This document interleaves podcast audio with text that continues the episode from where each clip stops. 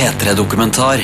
Nå er vi nede i kjelleren der uh, Furuset bingo ligger. Og jeg kjenner det er veldig, veldig ubehagelig. Han har alltid vært en blid gutt.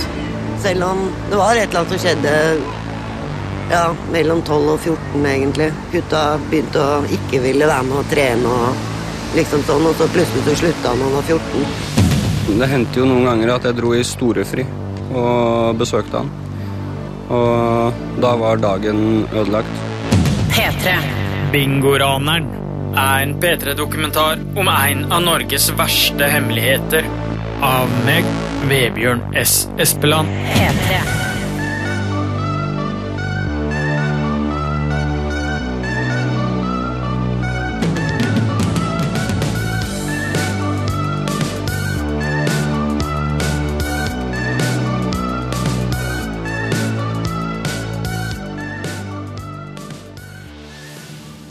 Jeg hadde en form for maske. eh, Men ansiktet var jo synlig fra nesa og opp til panna. Finlandshette med åpning. Jeg hadde en pistol, men det var ikke en ekte pistol. Det så veldig ekte ut, men det var ikke en ekte pistol. En luftpistol av noe slag. Jeg hadde en venninne som jobba på bingoen den perioden. Og jeg sa, hinta vel til henne at jeg kom til å ta et ran. Og at jeg ville rane den bingoen. Og bare noen dager etterpå så valgte jeg å rane den bingoen. Men da var ikke henne på jobb. Det var to eldre damer som var på jobb. Klokka er ett. Du får P3-nyheter. Væpna ran mot spillehalle i Oslo. Mannen var bevæpnet med pistol og stakk av til fots, men politihundene mistet etter hvert sporet av mannen. Med pistol, med pistol, men ingen personer ble skadd. Det er uklart hva han eventuelt fikk med seg i ranet. Hvem er det som begår væpna ran? Og hva er det som skaper en raner?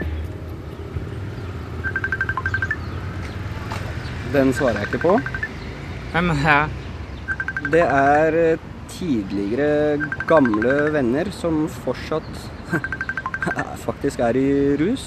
Og til tider så får jeg slike telefoner. Ok. Møter jeg tidligere venner som jeg ser er i rus på gata, så gir jeg dem enten et feil nummer eller eh, går en annen vei når jeg ser dem, hvis de ikke ser meg. Hvorfor det? Fallgruven er, er ikke så langt unna. Eh, Jeg sliter jo fortsatt med depresjoner og posttraumatisk stress, og jeg mangler den tilhørighetsfølelsen til en eh, gruppe, fordi jeg har jo kutta ut alle venner og har eh, egentlig ingen rundt meg lenger, utenom den nærmeste familien.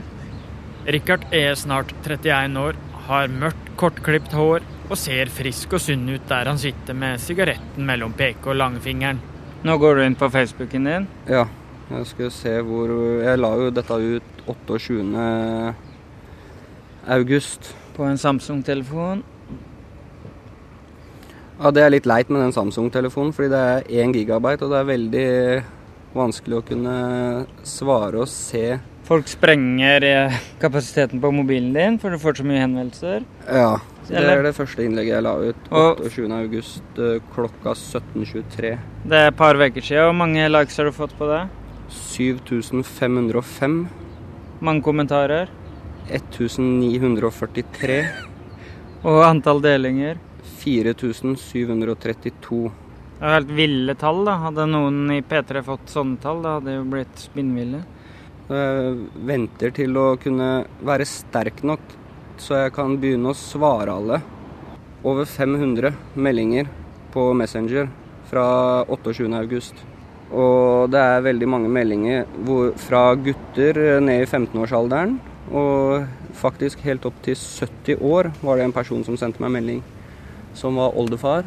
Og ville gjerne takke meg for at jeg sto frem. Fordi han hadde lignende historie som han ikke hadde turt å fortelle til andre. Men at han nå skulle søke egen hjelp, da. Ei historie kan ha flere begynnelser, og ei handling kan ha mange forklaringer.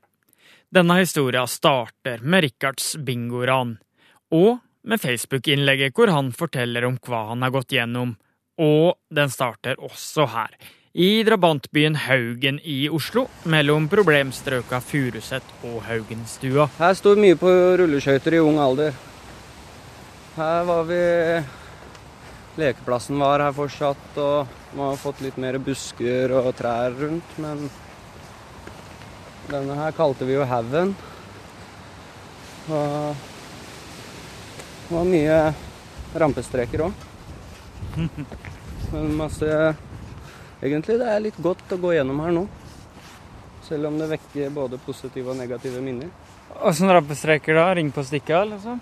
Ringe på stikka. Vi hadde en uh, vaktmester som bodde øverst i uh, hjørnet der, eller styrer for borettslaget. På nyttårsaften sendte vi rakett opp. Ene naboen som bodde over oss der, uh, åpna vi opp panseret og fylte spylevæsketanken hans med urin midt på sommeren.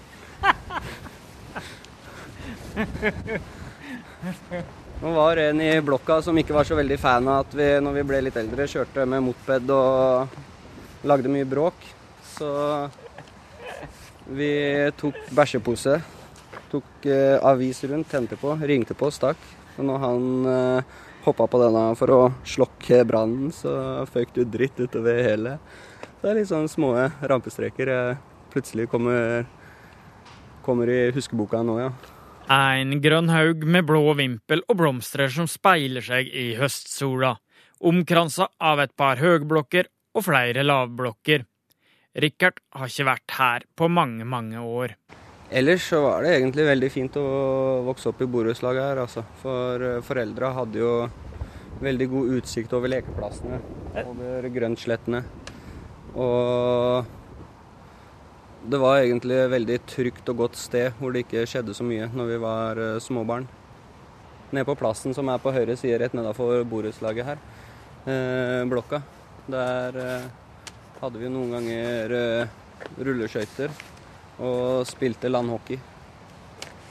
Så Her kommer vi opp. Nå går vi opp en haug.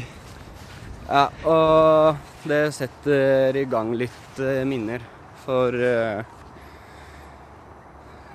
den veien som går 40 meter borti der, det var den jeg falt og fikk gjøre med på den joggebuksa. Og butikken som ligger til venstre, som eh, er 100 meter der nede. Søsteren min hadde akkurat hatt bursdag. Og uh, under storefri så hadde jeg fått med noen småpenger av mamma. Hvor jeg skulle kjøpe meg en bagett nede på butikken. Og på vei til butikken så er det en bratt nedoverbakke. Og der hadde jeg snubla og uh, møkka til joggebuksa jeg hadde på meg. Men jeg gikk fortsatt til butikken, og utenfor møtte jeg jo en venn av uh, faren min.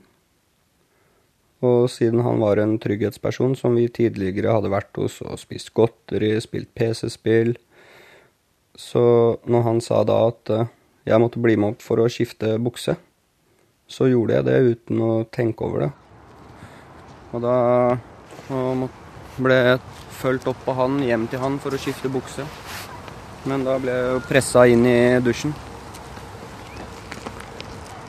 Og ble vaska og pressa, han pressa seg mot meg. Og da Var det i den Gråe. Den grå blokka der, ja? Ja. Og når han først kledde av seg og prøvde å presse seg mot meg, da begynte jo jeg å skrike og grine. Og da tok jeg på meg buksa igjen og storma ut derfra. Og han prøvde ikke da å holde meg igjen. Og det er jeg veldig glad for eh, den dag i dag.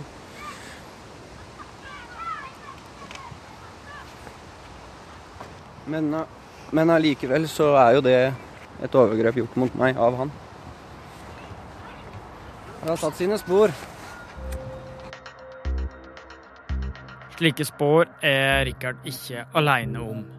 Facebook-posten han la ut, som han sjøl sier fjerna en sementbil fra skuldrene hans, sprengte samtidig innboksen på mobilen. Hei. Leste teksten din og beundrer ærligheten. Selv ble jeg utsatt for overgrep fra rundt fem års alder og frem til ca. ti. Jeg har kun delt dette med de absolutt nærmeste. Forsøkte også anmeldelse, men for sent. Fins det virkelig ingen mulighet for oss å få erstatning? Uansett, takk for din ærlighet. Hei. Sikkert mange som skriver til deg, men vi har lik historie og kan forstå hva du har gått gjennom. Pappa sålte meg rundt, dopa meg ned, slo og forgrep seg. Jeg hadde heroinoverdose på fredag i Oslo da jeg fikk hjerte- og pustestans. Jeg er så glad for at du delte historien din. Jeg har sjøl blitt utsatt for seksuelle overgrep. I tillegg ble jeg utsatt for psykisk og fysisk vold. I mitt tilfelle var det begge foreldra mine som utsatte meg for det. Som 14-åring ble jeg psykotisk og trua folk og gjorde mye annet dumt. I tillegg så har jeg følt meg veldig aleine som gutt som har opplevd seksuelle overgrep. Så for meg hjalp det litt å se at det var flere som opplevde det. Tusen takk for at du sto frem. Det her var bare tre av de mange hundre lignende meldingene som Richard fikk.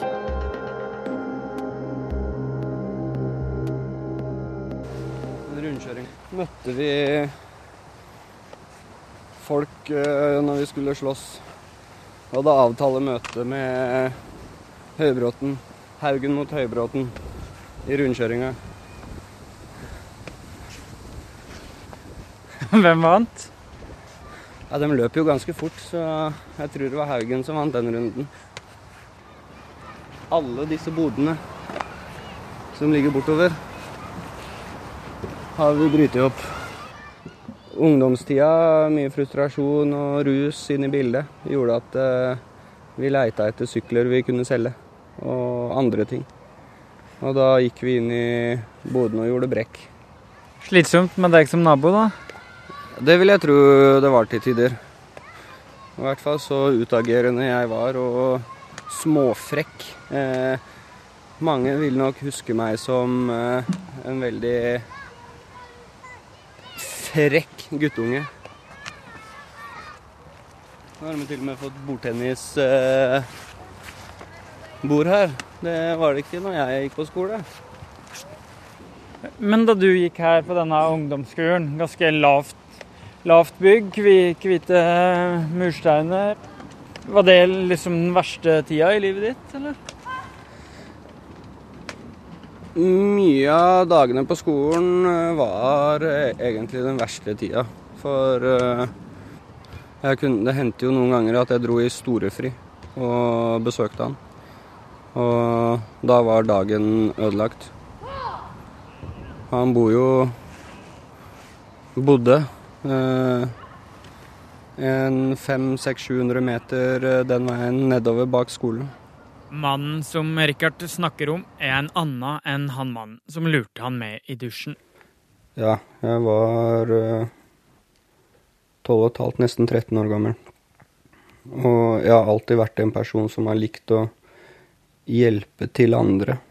Uh, hvis jeg har sett noen bære tungt eller trenger hjelp til gressklipping, snømåking, så har jeg hjulpet til. Kom i kontakt med en voksen mann utenfor en butikk og hjalp han med noen varer opp. Uh, Blei bedt inn i kjelleren. Uh, Skjønte egentlig ikke hvorfor jeg skulle være med inn i kjelleren. Men eh, der ble jeg da på en måte pressa opp i et hjørne. Og ble tvunget til å se på han onanere og så videre.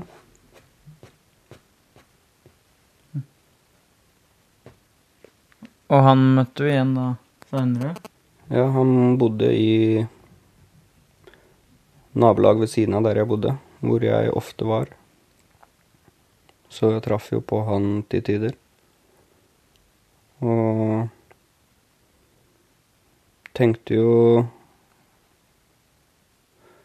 Jeg vet egentlig ikke hva jeg tenkte, men eh, hver gang når han var ferdig, så fikk jeg jo penger av han. Og jeg hadde jo ikke hatt så mye penger tidligere, og jeg var fortsatt ung og jeg kunne kjøpe meg ting. Men eh, jeg tenkte ikke på konsekvensene som ville komme etterpå, i form av uh, mye aggresjon. Hver gang han var ferdig med meg, så dro jo jeg ned til et skogholt hvor eh, folk drev og kasta vaskemaskiner, tørketromler, kjøleskap.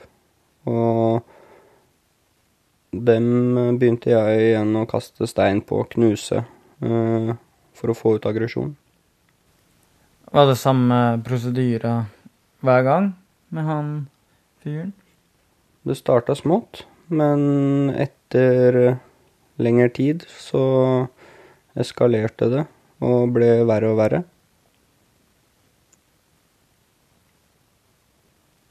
Og til slutt så var det jo orda alt.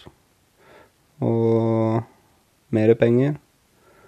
Og når jeg var 14 år gammel, så forsto jeg at dette ikke var normalt i det hele tatt. Og eh, jeg begynte å innta hasj. Eh, smått med tabletter. Og da når jeg var 15 år, så var jeg veldig avhengig. Av? Da var det avhengig av opiater. Eh, Rohypnol, Sobril. Røyka hasj. Eh, begynte å drikke litt alkohol i helgene. Søkte tilhørighet i andre grupper. For jeg hadde jo ikke lenger da mine sportsvenner. De falt jo helt bort. Jeg slutta jo på ishockeyen. Så jeg måtte søke venner et annet sted. Og dem drev jo også med rus. Så det var det hverdagen begynte å dreie seg om i tidlig alder. Hva kan du si om han fyren, her? Jeg kan egentlig ikke si så mye om han fyren, for uh, holder på med en erstatningssak nå. Uh, så jeg kan egentlig ikke fortelle så mye om han, så andre skal forstå hvem det er. Ja, det var stort sett 500-700 kroner. Han slapp etter meg når han var ferdig. Og det gjorde han også med flere folk du kjenner? Ja, I hvert fall én person til jeg kjenner og var oppvokst med og, og var venn med. Og han uh, lever dessverre ikke i dag. Hver tolvte norske gutt har blitt utsatt for overgrep før fylte 18 år, ifølge en NOVA-rapport som kom i 2007. De fleste overgrepene skjer i nære relasjoner, og det er særlig tre reaksjonsmønstre som går igjen hos overgrepsutsatte. Depresjon og livstrøtthet, innadvendthet og isolasjon, eller hyperaktivitet og alkoholstoffmisbruk. Richard fikk alle tre reaksjonsmønstra.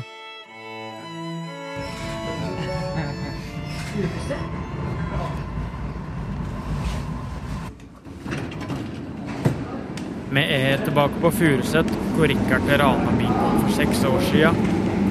Eller ikke her, når han vært på mange år. Jeg håper jo ikke jeg skal treffe på mange, mange gamle kjente som fortsatt er i det kriminelle miljøet, annet. Hvis jeg har noen gamle fiender der ute, så håper jeg ikke treffer på dem. Hvor lenge er det siden du har vært der? Siden 2010, da ranet skjedde. Første jeg møter på, er moren min. Er det? Er det mora di som sitter der? Sitter på hjørnet der borte. Furuset pizza og grill? Ja. Hallo. Vebjørn. Hei. Mamma. Så hyggelig. Vebjørn heter jeg.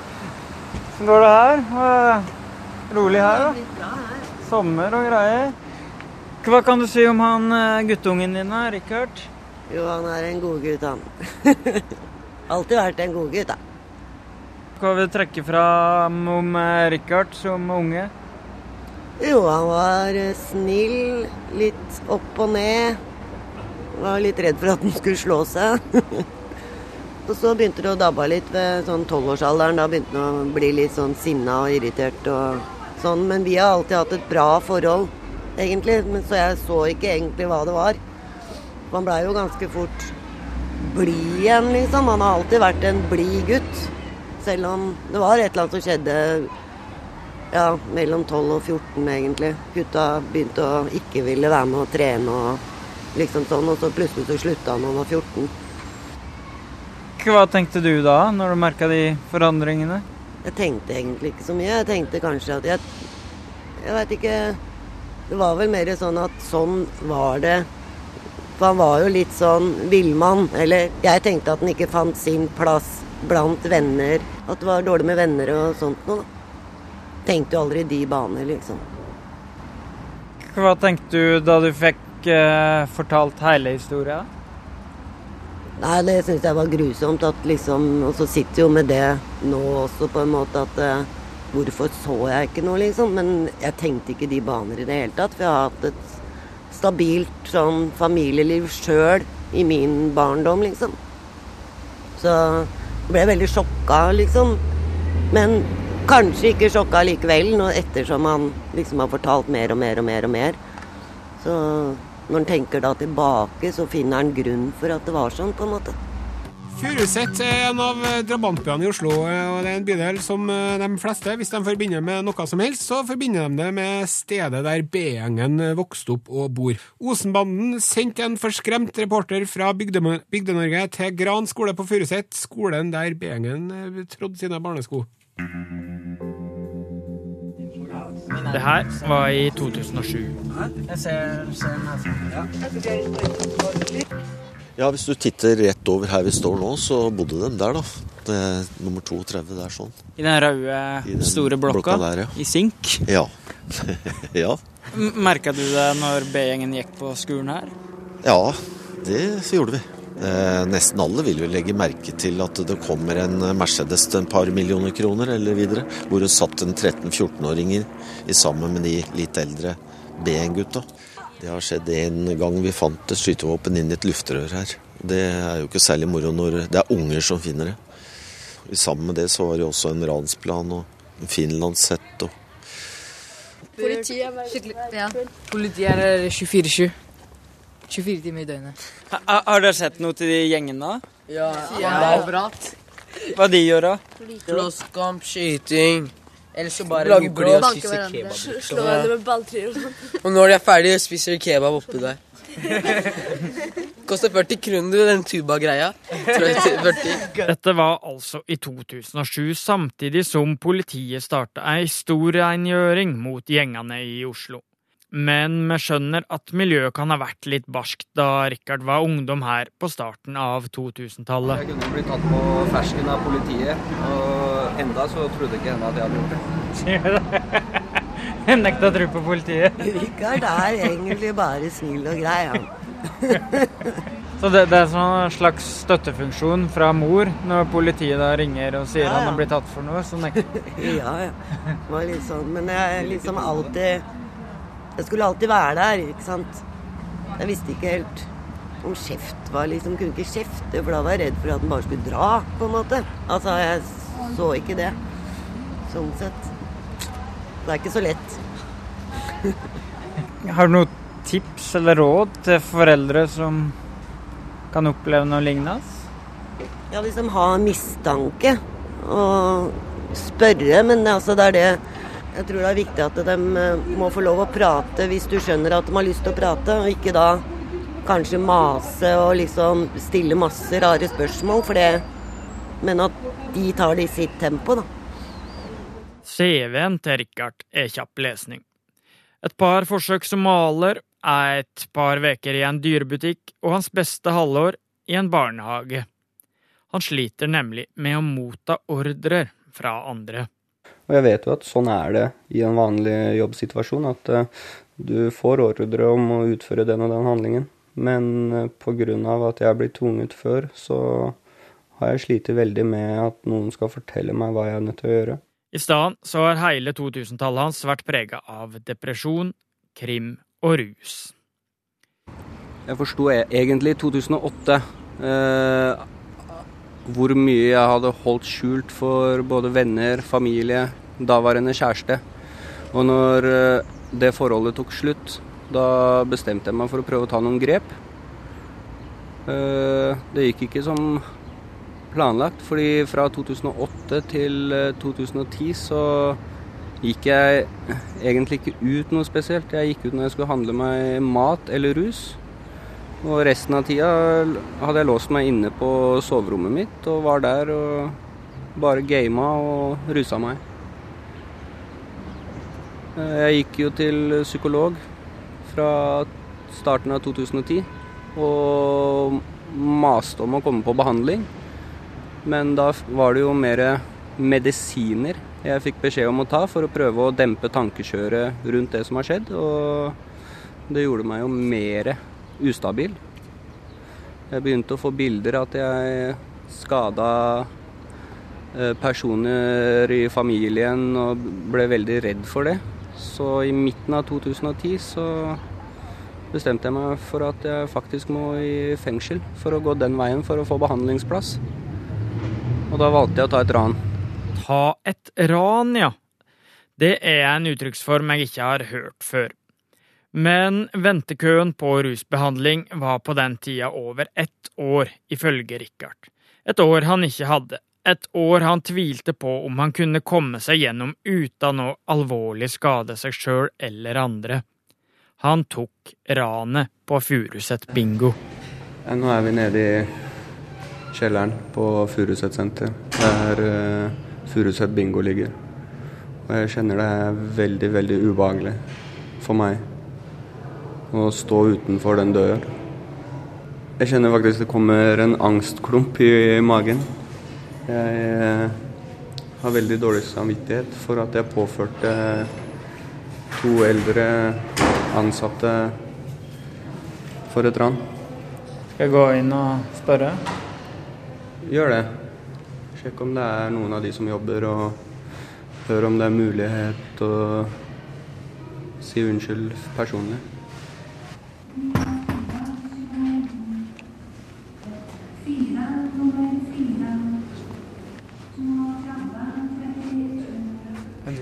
Er sjefen her, eller? Ja. Jeg, jeg kom fra NRK. Um, her var det et uh, Har du tid til å prate nå, eller? Du sitter ikke og uh... Nei? Det var et ran her i 2010. Kjenner du til det? Nei, det var fra min tid. Det var før din tid. For da jobba det et par eldre damer her. Så har lenger. De jobber ikke her lenger. Vet du hva de driver med? Du vet ikke åssen det har gått med de eller noen ting? Alt er nytt her. Mm. Nye folk, i hvert N nye folk, ja. Har dere hatt ran her, da? Ja, et par år siden. Per år siden. Åssen har det gått med de som jobber her da, vet du det? Nei, det går greit. Det går greit? Ja. Jeg ikke, sliter ikke psykisk i etterkant. Mm. Takk skal du ha. Ha det bra. Lykke til.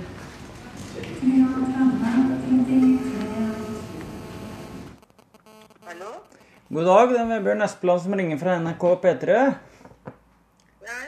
Hei, du. Um, er det du som jobber på Furuset bingo? Ja, det er det. For du var til stede da han rana Furuset bingo? Ja. Åssen har det gått med deg, da? Hvordan det gått med meg? Jo, jeg har jo slitt i ettertid. Ransofferet har slitt i ettertid. Vi avtaler å møtes neste dag med Richard. Få dager etter ranet i 2010 så meldte Richard seg. Etter det han omtalte som en siste fest, og han havna etter hvert i fengsel. Når jeg kom til fengselet, så søkte jeg meg direkte inn på stifinneren i Oslo fengsel. Og var der i ja, syv-åtte måneder. Dro rett fra stifinneren i Oslo fengsel til Tyrilistiftelsen. Og der var jeg nesten et år. Derifra så tok turen til eh, kurs via Nav, barne- og ungdomsarbeider. tok eksamen som privatist og fikk den bestått. Og da trodde jeg at mye var løst. Kjentes i hvert fall sånn ut. Og rusen eh, har, jeg vært borte fra siden 30.6.2010. Ikke rørt en tablett eller pulver. I 2014 så valgte Richard endelig å anmelde mannen som skulle ha betalt han for seksuelle tjenester fra han var 13 til 17 år.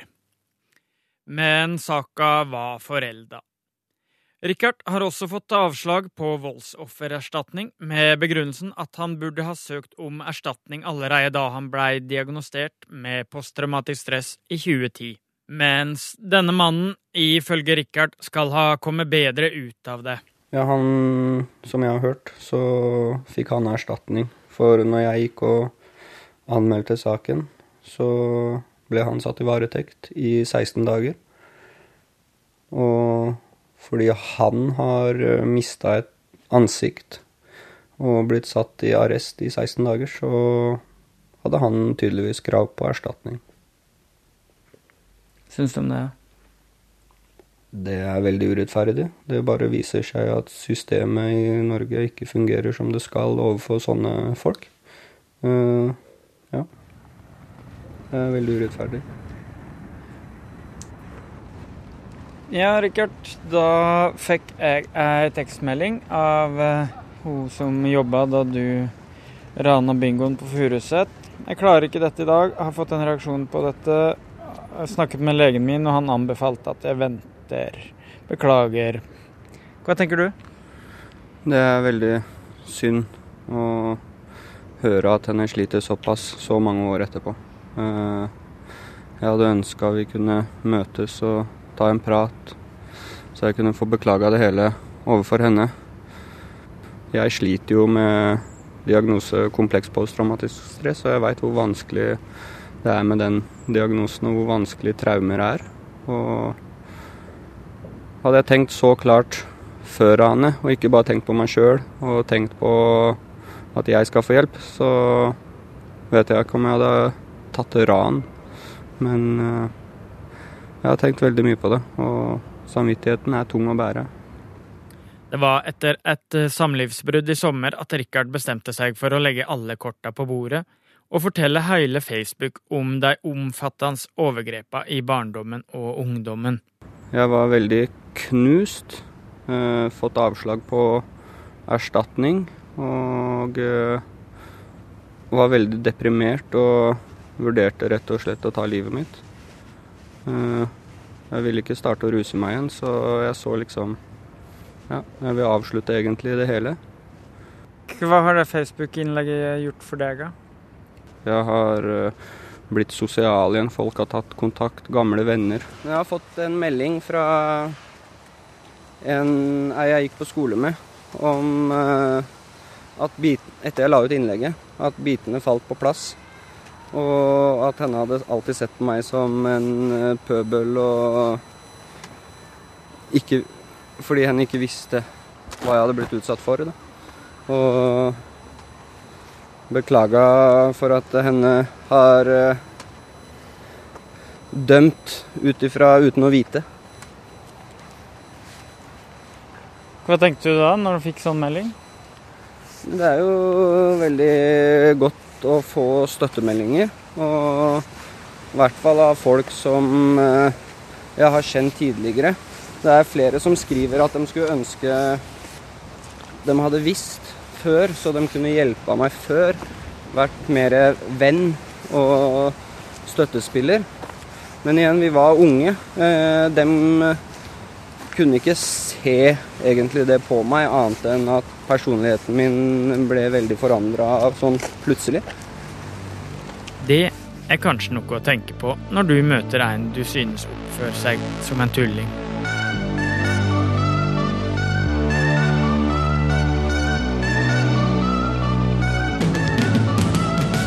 P3-dokumentar søndag klokka ni på P3. Se, les og lytt mer om denne historien når du vil på p3.no.